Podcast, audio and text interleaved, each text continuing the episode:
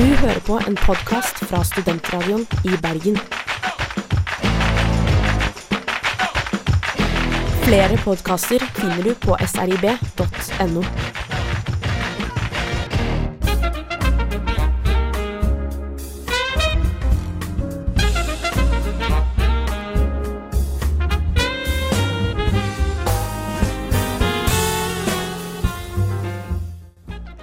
Velkommen til Ettersmak, programmet som prøver å gjøre din eh, mathverdag litt mer spennende. Mitt navn det er Truls Lier, og med meg i dag så har jeg som vanlig Anine Johnsen. Og tilbake igjen fra ferie, Hanne Mørk. Hei, hei. Velkommen begge to. Takk, takk, takk. Står det bra til med dere på denne flotte onsdagen? Ja, Ja. kjempedeilig. Deilig dag. Eh, det står bra til med meg òg, fordi eh, i dag så skal det handle om eh, Mye av Ettermaksendingen skal handle om noe som vi ikke sn har snakka om så mye, og ikke snakker om så ofte her i Ettermak. Vi er jo mye på mat, og det er jo det vi eh, elsker og kan. Men jeg har snakka med mm, forfatter og vinspaltist eh, Ingvild Tenfjord tidligere i uka, så vi skal få litt sånn eh, kanskje introduksjon til hvordan man kan smake seg litt mer inn i vinens verden, og noen sånne småtriks man kan eh, merke seg når man skal begynne å eksperimentere litt mer med den siden av det kulinariske landskapet. Og det er veldig lurt, fordi man har jo ofte vin til maten. Så det er jo ikke helt uh, utenfor uh, vår, uh, kan si, vår interessesfære akkurat. Og så er det jo eh, også sånn at eh, jeg og Anina har vært ute og spist. Det har vi på en restaurant jeg var ytterst skeptisk til. Vi har vært på Samrab Thai, ganske sånn nyåpna thai-restaurant. Eh, Og eh, vi ble i hvert fall positivt overraska sammenligna med litt sånn eh, voksmaten som står i vinduet der. Eh, det får du høre om litt senere i dag. Og vi skal selvfølgelig også ha både suppelaboratoriet og denne ukens anbefaling, som jo beveger seg litt inn i meieriproduktenes verden. Der hvor du eksperimenterer litt, Anine. Eh, før vi får eh, høre fra Ingvild Tenfjord og alt det andre flotte som kommer i denne ukas ettersmak, så skal vi få litt uh, musikk. Dette er uh, en av de kuleste låtene på, som vi spiller på studentradioen for tida, syns jeg. Uh, låta heter 'Emotions', og det er det Ohio som har lagd. Dette er en skikkelig sånn god følelse, good feeling. Låt du får her rett over 11 på onsdagsmorgen. Don't look down, take a deep, you let it all go. Du hører på Ettersmak eh, her på Studentradioen i Bergen, og det var Ohio med 'Emotions'. Deilig sang. Jeg føler det er sånn eh, god stemning å, å starte, morgen, starte morgenen med. Jeg Det er jo ikke så veldig morgen eh, lenger nå, Truls. Nei, det er vel Lunsj. eh, det man kaller Brunch. formiddag. Brunsj, lunsj. Ja. og du beveger deg i hvert fall i matverden når du hører på, eh, på oss i Ettersmak. Eh, jeg har med meg Anine og Hanne i studio i dag. Og tidligere i uka så tok jeg en prat med Ingvild Tenfjord. Eh, hun skriver eh, fast eh, spalten Vinskolen, og har både skrevet eh, bøker og er generelt veldig både flink og interessert i vin. Eh, og vi tenkte at hun kunne hjelpe oss med å kanskje klare opp i noen, eh, noen av disse vanskelige tingene rundt vin. Det er jo en ting som kanskje ikke er så lett for i hvert fall meg og veldig mange andre med meg å få helt grep om. Eh, så jeg slo på tråden til Ingvild for å høre litt om eh, hemmelighetene i vinens verden. Velkommen, eh, Ingvild Tenfjord. Du er jo journalist, forfatter, vinskribent. eh, og har akkurat nå i 2015 gitt ut boka 'Perfekte viner', blant annet. Det er helt riktig.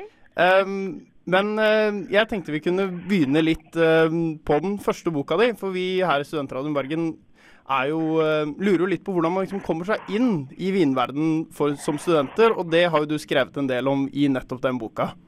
Ja, det forstår jeg veldig godt. Hvis du sitter der liksom tredje år på jusstudiet, og så får du høre at det faktisk går an å leve av å smake på vin, og si om du syns den er god, da forstår jeg jo at man stiller seg det spørsmålet.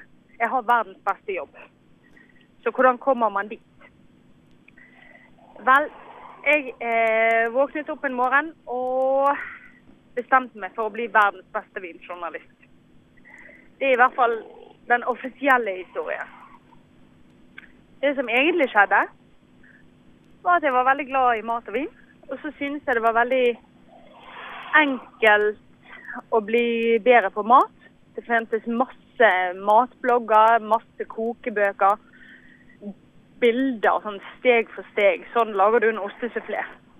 Men hvis du har lyst til å bite noe om vin, så må du nesten liksom kjøpe en bok som snakker om jordsmonn. Så jeg, jeg synes at, at det var så ekstremt vanskelig. Det var ingen som kunne bare forklare meg hva jeg greier med Chablis. Jeg måtte liksom lese om, om eh, juratiden og eh, kalkavleiringer. Eh, så jeg, jeg hadde lyst til å bli god på vin. Jeg ga opp flere ganger. Og den siste gangen da tenkte jeg helt ærlig gutter, dette er jo ikke kvantefysikk. Det må gå an å gjøre dette enklere, og ikke minst gøyere. Og hvordan eh, var det du klarte å gjøre det både enklere og morsommere? Nei, altså først så måtte jeg jo på skolen, da. Dette var jo en sånn slags eh, vinsmakingens eh, Rocky. For jeg kunne ikke spesielt mye om vin da jeg begynte. Eh, så da er det å sette seg på skolebenken og så bare lære seg å smake. Smake, spytte, smake, spytte, smake, spytte, smake, spytte. Og bli liksom hva, hva kjenner du nå? Legg merke til detaljene. Det er på en måte å begynne å lytte med munnen. Og det var jo litt nytt. Fordi at Bare det der å lukte, f.eks. Det, det er jo en ting som jeg, jeg tror at alle har veldig sterke sånne duftminner knyttet til barndom. Men på et eller annet tidspunkt når du blir stor, så bare slutter du å lukte. Du bare flytter inn i hodet ditt, og så blir du der.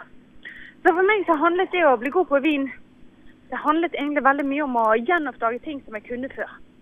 Og det var veldig gøy. Kanskje ikke for mannen min. Han syntes det var veldig pinlig i den perioden når vi satt på kafé og jeg luktet på avisen. Eh, når jeg lå langflat over grønnsaksdisken på Kiwi. Eh, men sånn var det.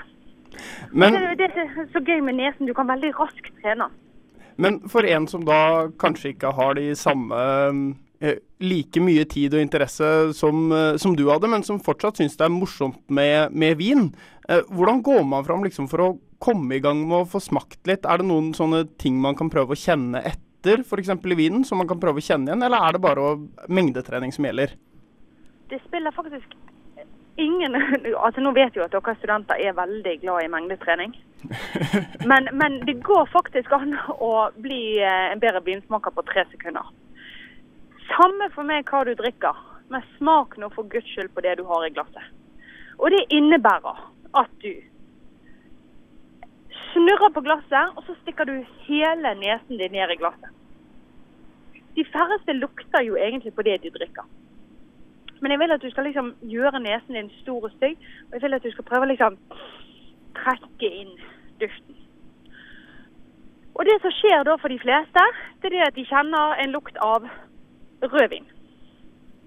De klarer på en måte ikke å skille det ut. Det er en malstrøm av ting som minner de om morsomme fester og lukten av rødvin. Så veldig mye av, av det å bli en bedre lukter og smaker, det er jo egentlig å lære å skille snørr fra barter. Hva er hva? Og det enkleste spørsmålet å stille seg da, det er Minner denne duften deg om noe frukt eller bær? Frukt og bær det er de duftene vi omgir oss mest med. Så de er ofte enklest å gjenkjenne. Og gjenkjennelse det er selve nøkkelen til å bli en bedre vinsmaker. Jeg må Ja. bare si en ting på Ja, ja, ja. Det er det først så snuser du, og så smaker du. Og da vil jeg at du tar vinen, og så skyller du den gjennom munnen. Akkurat som du ville gjort med flu- og munnskyllevann. Altså, prøv å liksom la hele munnhulen din bli dekket av vinen. Og kjenn ordentlig etter. Bare ved å gjøre de to enkle tingene, som altså da tar tre sekunder, så er du i gang. Men i hvert fall begynne å sanse det du drikker.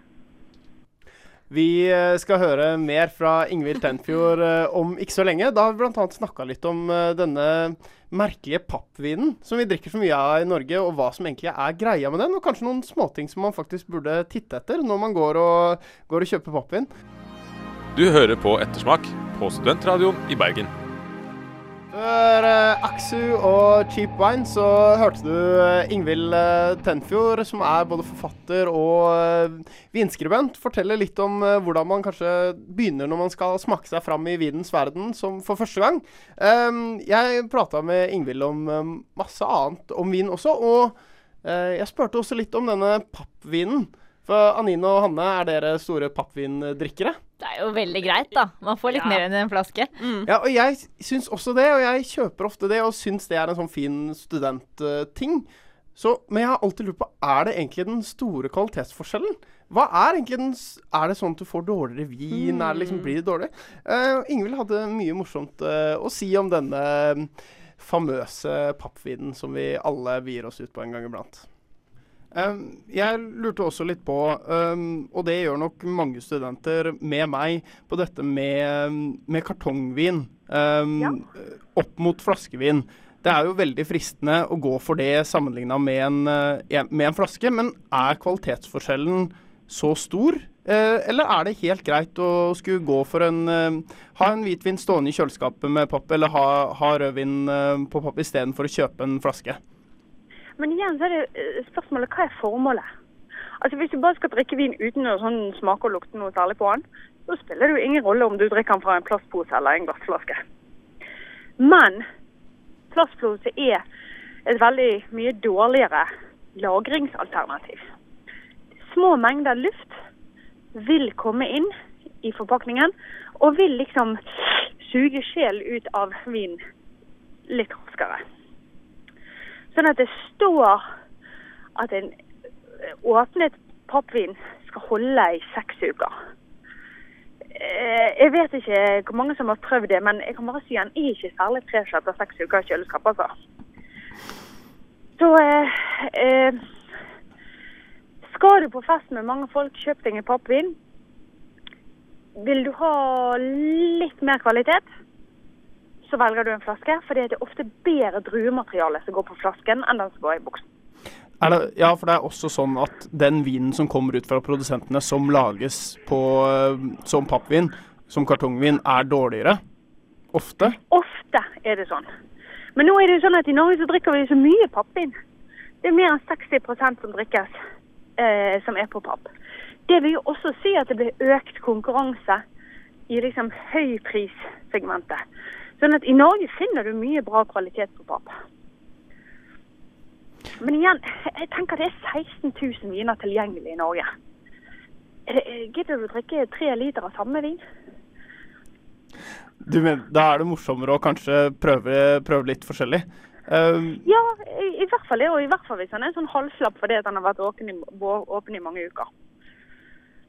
hvor lenge varer en pappvin, tenker du? To uker? En uke? Noe sånt? Er det liksom Eller er det vanskelig å si? Jeg tenker, altså, Dette er i aller høyeste grad ferskvare. Ja. Hvis du kjøper en pappvin, så snu den. For undersiden der står det ofte tappedato. Du skal ikke kjøpe en som er tappet for mer enn seks måneder siden. Det er jo en eh, veldig god liten ting å huske på når man står på polet. Er det sånn at uh, dere snur uh, pappvinen, uh, Nino og Hanne? Det har jeg aldri er- gjort i hele Aldri mitt liv. Jeg har heller aldri gjort det. Det ante jeg ikke. Det skal jeg huske neste gang, altså. Men det er virkelig, virkelig en sånn bitte liten ting som det gjelder å huske på. Faktisk sjekke den pakkedatoen, sånn at du ikke kjøper unødvendig ufersk vin når du, eh, når du går på, går på polet. Eh, vi skal eh, få høre enda litt mer fra, fra Ingvild. For eh, hun har bl.a. skrevet tre bøker om vin. En som heter Skål, en som heter Bobler og en som heter Perfekte viner. Vi snakka litt om, om disse bøkene, og hun hadde også noen fine tips til hvilken vin du både skal ha til taco og på første date. Oi. Eh, det får du høre mer om etter at vi har fått en låt fra Big Bang som heter The Oslo Bowl.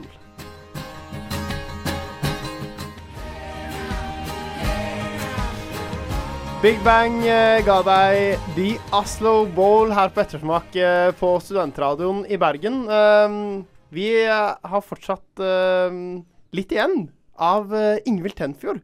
For eh, hun er jo forfatter, matspaltist, og eh, var så hyggelig å slå av en prat eh, med oss i Ettersmak eh, tidligere denne uka. Vi har både hørt om eh, litt vinsmaking og litt hvor, hva man skal tenke på når man kjøper inn pappvin. Men Ingvild har jo også skrevet et par vinbøker som man vel kan si at kanskje er litt enklere å komme inn i, og litt morsommere, som en selv sier, enn en del andre. Det er litt lurt Og- for oss som er studenter, da, i hvert fall. Ja, kanskje en vinbok som er litt mer tilgjengelig, i hvert fall. Um, hvis man ikke har lest seg så mye opp. Um, og i de bøkene så har du noen uh, artige tips uh, til uh, hva man f.eks. skal gjøre på første date. Um, de tipsene og mye annet snask skal du få høre nå. Men eh, hvis man vil utforske litt mer, så er det jo mye bøker der ute. Og du har jo bl.a. skrevet disse, disse tre som, vi, som, jeg nevnte tidligere. Vi har jo snakka Ja, litt om skriver jo de gøye vinbøkene. Ja, for det er jo kanskje en litt eh, Kan man si at vinbøkene dine er en litt enklere inngang enn eh, en del andre? Altså, det er, Vin er ingen vitenskap. Og det er en del vinfolk som forsøker å kompensere det ved å bruke et særdeles tungt og pompøst språk. Det er ikke nødvendig. Sånn at eh, Jeg ville begynt med en som var litt lettlest, som gir deg i snarveiene inn i vin. Og når, etter hvert som du blir mer og mer interessert, så kan du heller gå på de tyngre oppslagsverkene etter hvert. For det er de fleste de har jo ikke lyst til å bli en vinekspert. De fleste lurer jo bare på hva drikker jeg til taco? De fleste lurer jo på jeg skal på date, hva i huleste serverer jeg? Hva kan jeg eh, trekke opp på fadderfesten som eh, ikke gjør meg sveiseblind? Sånn? Men eh, hvis vi tar et av de eksemplene, da. Hva drikker man faktisk til taco? Ja, da, det, den er ikke så veldig vanskelig egentlig. Da skal du ha en litt sånn fruktig Du skal ha en litt fruktig rødvin. Sjøl personlig så drikker jeg helst øl til taco, men det er jo en annen ting. Så da vil jeg ha hatt en Og, og hva mener vi når vi sier fruktig? Jo, det betyr at, at liksom smaken av mørke bær er fremtredende. Det er mer av det enn andre typer dufter som krydder eller treverk eller lær. Sånne ting. Så gå på polet og si at du skal ha en fruktig vin. Men jeg tenker, Vi har ikke snakka så mye om, eh, om disse to andre bøkene dine enda. Eh, kan du ikke fortelle litt om eh, hvorfor du ville skrive 'Bobler og perfekte viner'? Bobler, den er enkel. Jeg skulle ha en grusom eksamen i Sparkling Wines of the World. Og da måtte jeg smake meg gjennom absolutt alt som fantes av bobler på det norske markedet. Og det var jo en veldig gøy jobb. Og da tenkte jeg at eh, her er det jo noen som er definitivt bedre enn andre. Og dermed så ble den boken til. Eh, og perfekte viner da begynner vi å snakke om mat og vin i kombinasjon. Og så husker du det jeg sa om at det finnes 16 000 viner på det norske markedet. Men de fleste av oss de velger jo bare de samme tre. De drikker den samme vinen uansett om det er til mat eller øh, kos, om det er til klinedate eller eh, svigerforeldre kommer på besøk. Så det er litt der at det der at i perfekte viner så har vi på en måte perfekte viner for enhver anledning. Og det er jo så, så jeg tenkte rett og slett helt konkret Hva serverer du på første daten, andre daten, tredje daten? Hva for en champagne spretter du hvis du har tenkt å fri? Hva for en rødvin marinerer du deg i hvis vedkommende sier nei? Rett og slett, Dette serverer du i bryllup, dette serverer du i begravelser. Til taco, kamskjell, asparges. Og mitt favorittkapittel Takk Gud, ungene har sovnet. Men dette forstår ikke dere noe av ennå. Men eh, Nei, den dagen du sitter der omgitt av Lego og hybelkaniner, da skjønner du. Vi er nok ikke der helt enda, men første date er det jo en del som er på. Hvis vi kan ta ett eksempel. Um, hva, er, eh, hva er det gode, gode alternativet når man eh, skal bi seg ut på det eventyret? Vet du hva? Da skal du ha en rødvin som gjør at du ikke blir så veldig blå på tennene. Pinot noir. Det er en blek drue som holder deg sjarmerende ganske langt utpå kvelden. Og så synes jeg jo at det hjelper veldig å ha en flaske bobler i kjøleskapet. Jeg har jo opplevd å endelig få med meg drømmeprinsen på nachspiel. Og det eneste jeg hadde, det var lunken vodka. Det kan jeg bare si at det var ingen storhet. Sånn at ha nå en flaske bobler i kjøleskapet. Det er, ingen, det er ingen som ikke liker Prosecco. Det koster 124 kroner. Ha det på kjøl. Du vet aldri når drømmepartneren dukker opp. Det høres ut som eh, veldig flotte tips. Tusen takk for at du tok deg tid til å prate med oss, Ingvild. Bare hyggelig. Takk for at jeg fikk lov å være med.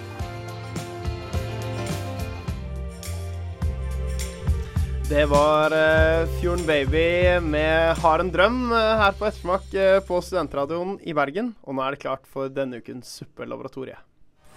Direkte fra høyden i Bergen.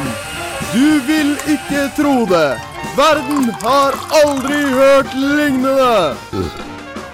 Men hvis du tar på liksom nok salt og pepper, så smaker det i hvert fall salt og pepper. Jeg trodde liksom at dette skulle være Satans verk. Men dette var sjukt skuffende. Ettersmak presenterer sitt fantastiske suppelaboratoriet! Velkommen eh, inn i suppelaboratoriet, Hanne og Anine.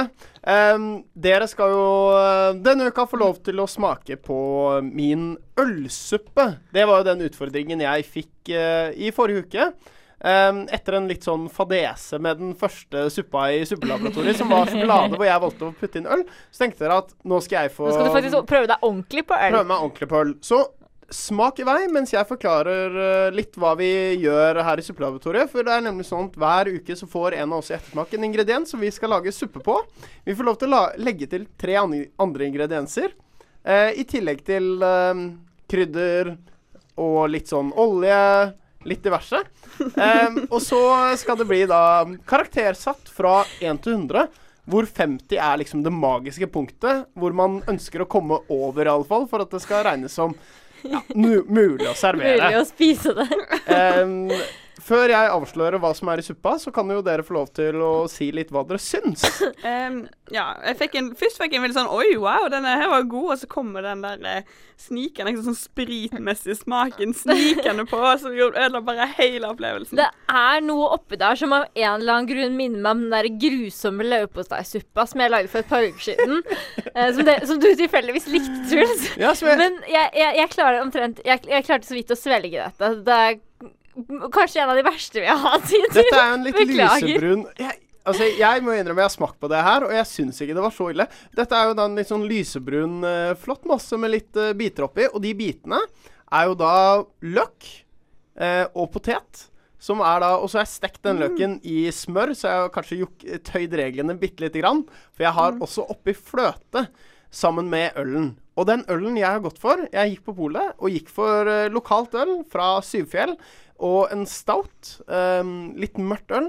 Så det er Rye Stout, den som heter Rundemannen, som Syvfjell har. Men jeg tror du ikke syns dette her er så gale rett og slett fordi du er veldig glad i øl, og kanskje et mørkere øl enn meg og Anine, Eller? Det Kan hende det at det har noe med det å gjøre. Men, Men, du, jeg skal være med dere på at det blir en sånn bismak Ja. når du lager ølsuppe. Jeg vet liksom Det ikke om det er sprit eller Men Ja. det er den alkoholbismaken som blir hengende baki der uansett, og som jeg ikke forstår hvordan jeg skal få bukt med. Koker du den ut, eller? Jeg kokte denne her sikkert i en halvtime. Okay. Den har stått og kokt kjempelenge.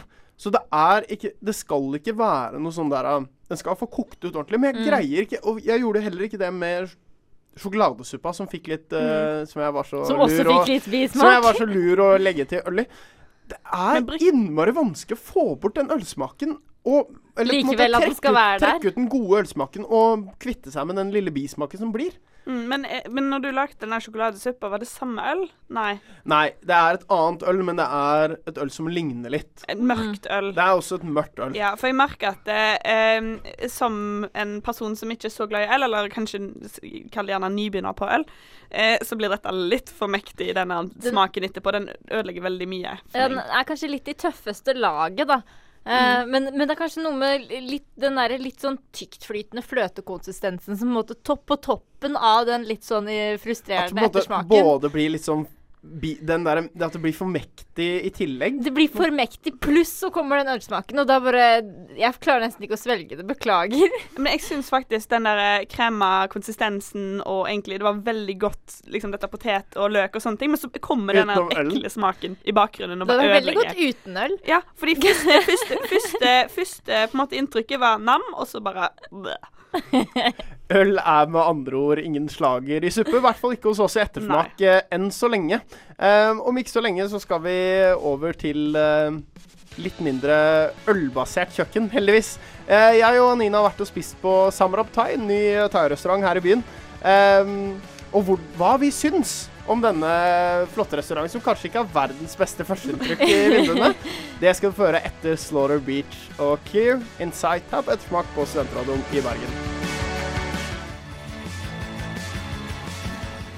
Det var uh, Slaughter Beach eh, og Keir Insight her på Ettersmak eh, på Studentradioen i Bergen. Og Anine og Hanne, vi glemte jo dessverre å gi poengsum til, Ja, til denne flotte ølsuppa som jeg har lagd. Kan jeg si min først? Ja. Eh, hadde du bytta ut med lyst øl, så hadde det blitt kjempegodt, tror jeg. Så du får mm, 54 fra meg. Men Wow. over den magiske grensa på 50, som betyr at det kunne vært servert. Ja. Anine? Jeg mener jo at uh, den ikke kunne vært servert i det hele tatt. Og det er, går litt på det at jeg faktisk brakk meg når jeg tok uh, en skje av dette her. Så, så det ligger et stykke under 50 for min del. Så det er nok mer på sånn kanskje 40, hvis jeg skal være skikkelig grei. Ja, ok. Så eh, ikke helt vellykka, med andre ord. Eh, du skal jo få prøve deg neste gang, Hanne. Og hva du skal lage suppe av, det får du vite i slutten av denne ettersmakssendinga. På srib.no kan du høre podkast, lese nettsaker, sjekke ut når ditt favorittprogram sendes, og høre på Studentradioen live. srib.no. For nå er det nemlig klart for uh, restaurantbesøk her på Ettersmak. Det det. Eh, I går var jeg og Anine ute og spiste på Ja. uh, Samrab Thai. Som er helt umulig å uttale. Uh, det, det, Det er den, det er den berømte restauranten som er eh, helt nyåpna, som ligger eh, i uh, Olav Kyrres gate.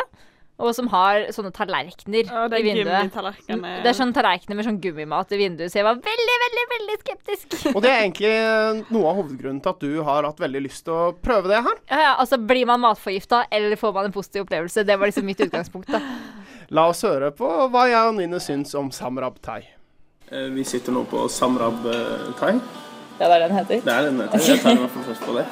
Em, som um, ligger um, Olav Kyrres gate. Olav Kyrres gate, eller Kyrres gate. Alt ettersom hvordan man velger å si det.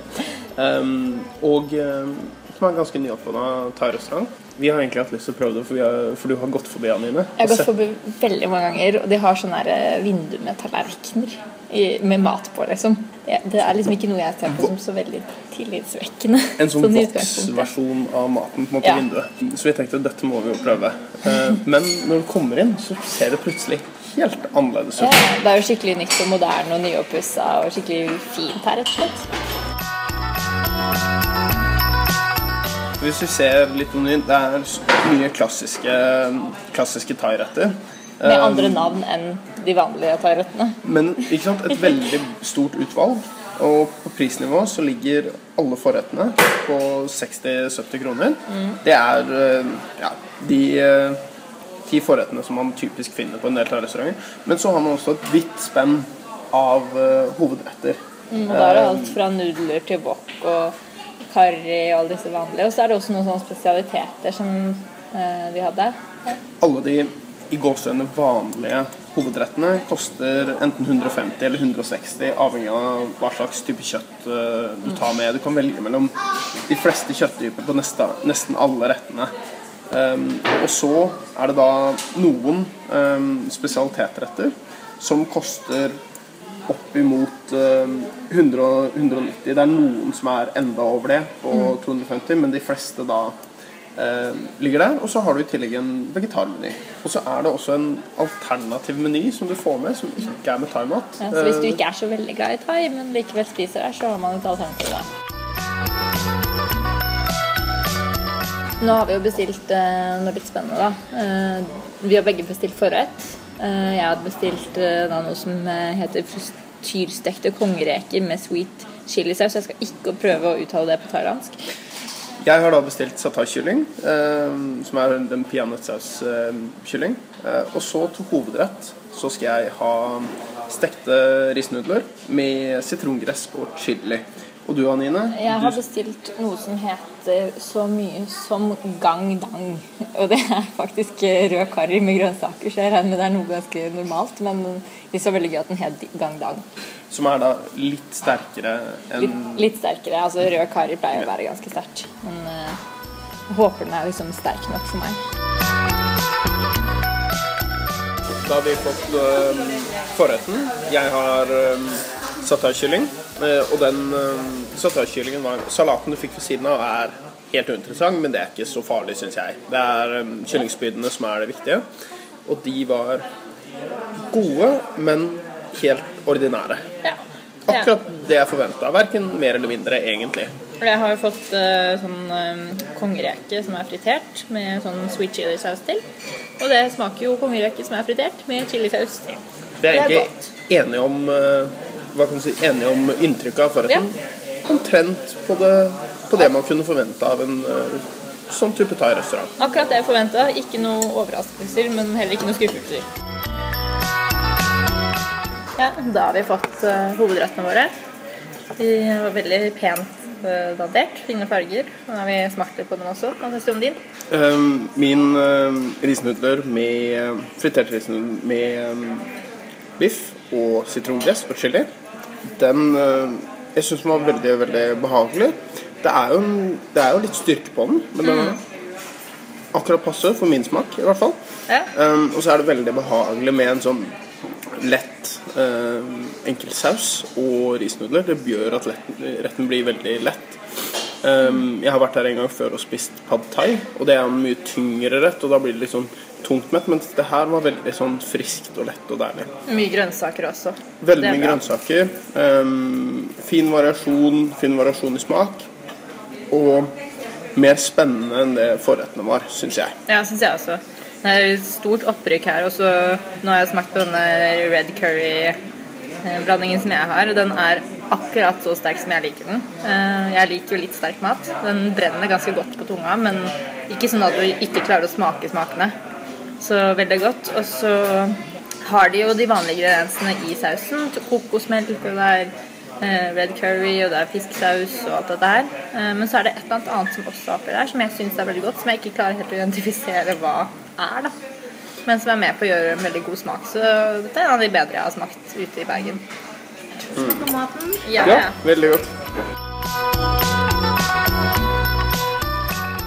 Vi var utvilsomt eh, både veldig fornøyde og eh, positivt overraska, Nina. Helt klart, og jeg må jo si at det var veldig god service der også. De var veldig oppmerksomme på oss og spurte om vi hadde det bra, om maten var god og sånne ting også. Så- Også veldig enkelt og greit. og Ikke noe overraskende. og Og ekstremt rask servering av maten.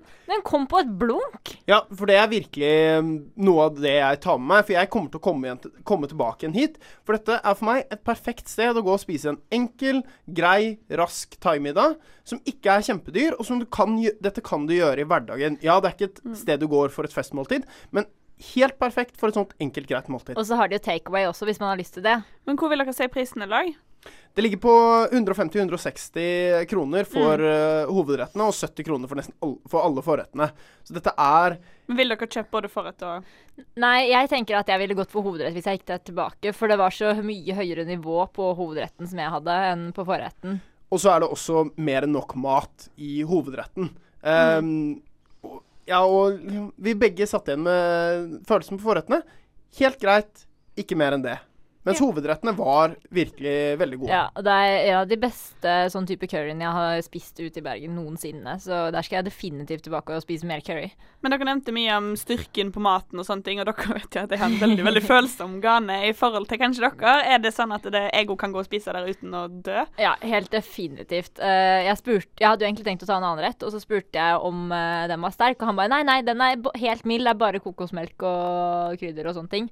Så det er ikke noe problem. Jeg var også der og spiste på søndag, faktisk. Da spiste jeg pad thai, som er en mye mildere rett. Og den var helt uproblematisk. Yeah. Eh, helt uproblematisk på styrke. Den var ikke sterk i det hele tatt. Så det fins hele spekteret, og veldig behjelpelig med å svare på sånn. Ja, de har full kontroll på hva som er i maten, så det er kjempebra. Det eneste som vi må si, fiks opp i det vinduet som er utenfor. For det med disse tallerkenene som er For det Det skremmer bort alle. Ja, jeg vil tro det skremmer vekk hunder.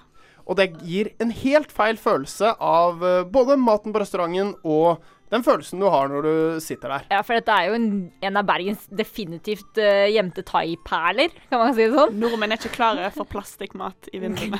Den holder i hvert fall uh, godt i konkurransen med de andre enkle thairettstedene som uh, finnes rundt omkring i byen. Om ikke så lenge så er det klart for uh, denne ukens anbefaling som Anine har med seg, men først No and the Whale og Five Years Time.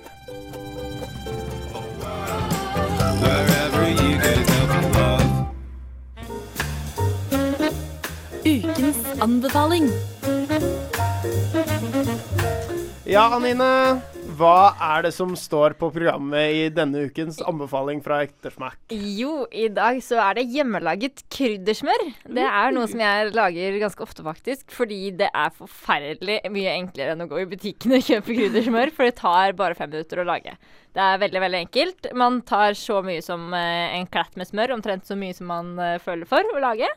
Og så putter man det gjerne oppi et eller annet, eh, en bolle eller et eller annet sånt som hvor det er greit å røre oppi. Putter det i mikroen i fem-seks sekunder, bare for å få liksom smøret litt uh, mykere. Og så er det krydderet, da. Og jeg pleier å ha oppi hvitløkspulver. Og så pleier jeg å ha paprikapulver. Og så pleier jeg å ha chilipulver. Og så pleier jeg å hive oppi litt salt og pepper. Og så gjerne noe litt sånn urtekrydder, sånn provanskrydder eller kanskje timian og liksom sånne ting. Smake seg litt uh, fram, da. Egentlig bare hive oppi krydder som du liker, helt til Eh, du har liksom rørt det, og det smaker godt. Og sånn paprikapulver lager veldig fin sånn rødfarge, så det ser liksom litt sånn friskt ut, da. Og så har jeg kjøpt et veldig godt krydder på Søstrene Grene. Det er en sånn grillmikskrydder. Det smaker ikke grillkrydder eller, eller sånn uh, piffikrydder, liksom. Det smaker det er, det er en sånn krydderblanding med veldig mye gode smaker oppi. Så hvis man har oppi litt sånne ting, da, bare prøver seg fram litt sånn krydderblandinger som man har, så blir det faktisk kjempegodt.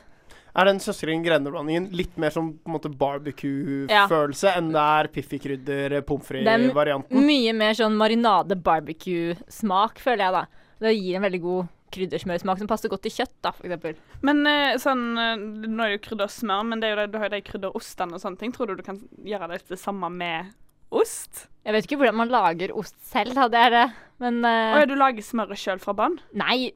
Jeg kjøper Men tenker du å blande Men skal du da, krydder inn i osten? Men skal du smelte greie osten og så Nei, men på en måte størkne den igjen? Ja, men du vet altså? sånn kremost, kjøper sånn vanlig sånn Ja, kremost sånn naturell. Philadelphia, liksom. Ja, og så smelter det litt, og så rører jeg inn Du krydder. er altså Hvis du gjør det med Philadelphia, så trenger du sikkert ikke å smelte den engang. Nei, sant? Nei. Da kan du jo bare egentlig godt. bare ta det. Og så kan du få barbecue, eh, liksom sånn kremost så du kan ha med deg på skolen til å smøre på knekkebrødene. Ja, for det, det er jo smart, det. Men det skal jo sies at jeg pleier å sette det i fryseren eller kjøleskapet noen minutter før jeg serverer det, sånn at det blir litt hardt igjen, da. For det kan bli litt for mykt når man har rørt så masse i det. For dette er jo ikke noe man trenger å på en måte bruke lang tid på å Nei, kjøle nei. ned eller sånn. Ikke i det hele tatt. Det tar, det tar som jeg sier fem minutter å lage hele. Og det er fra du kutter opp smøret og hiver opp i krydder og rører og har puttet inn i kjøleskapet. Så serverer du fem minutter etterpå, så er det helt fint, det.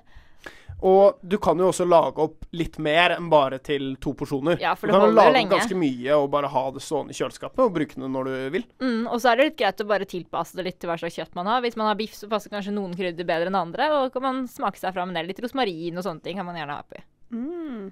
Høres veldig godt ut. Og hva er favoritten å bruke det til? Favoritten er nok å bruke det på eh, faktisk fløtegratinerte poteter og stekt eh, svinefilet. Det pleier å bli Åh, veldig, veldig godt Å, oh, Åh, det hørtes skikkelig godt ut. Jeg ble sulten, jeg. Ja, jeg ble skikkelig sulten. Vi må rett og slett uh, komme oss i gang og få oss noe lunsj, for ettersmak eh, begynner dessverre å nærme seg slutten for eh, denne gang.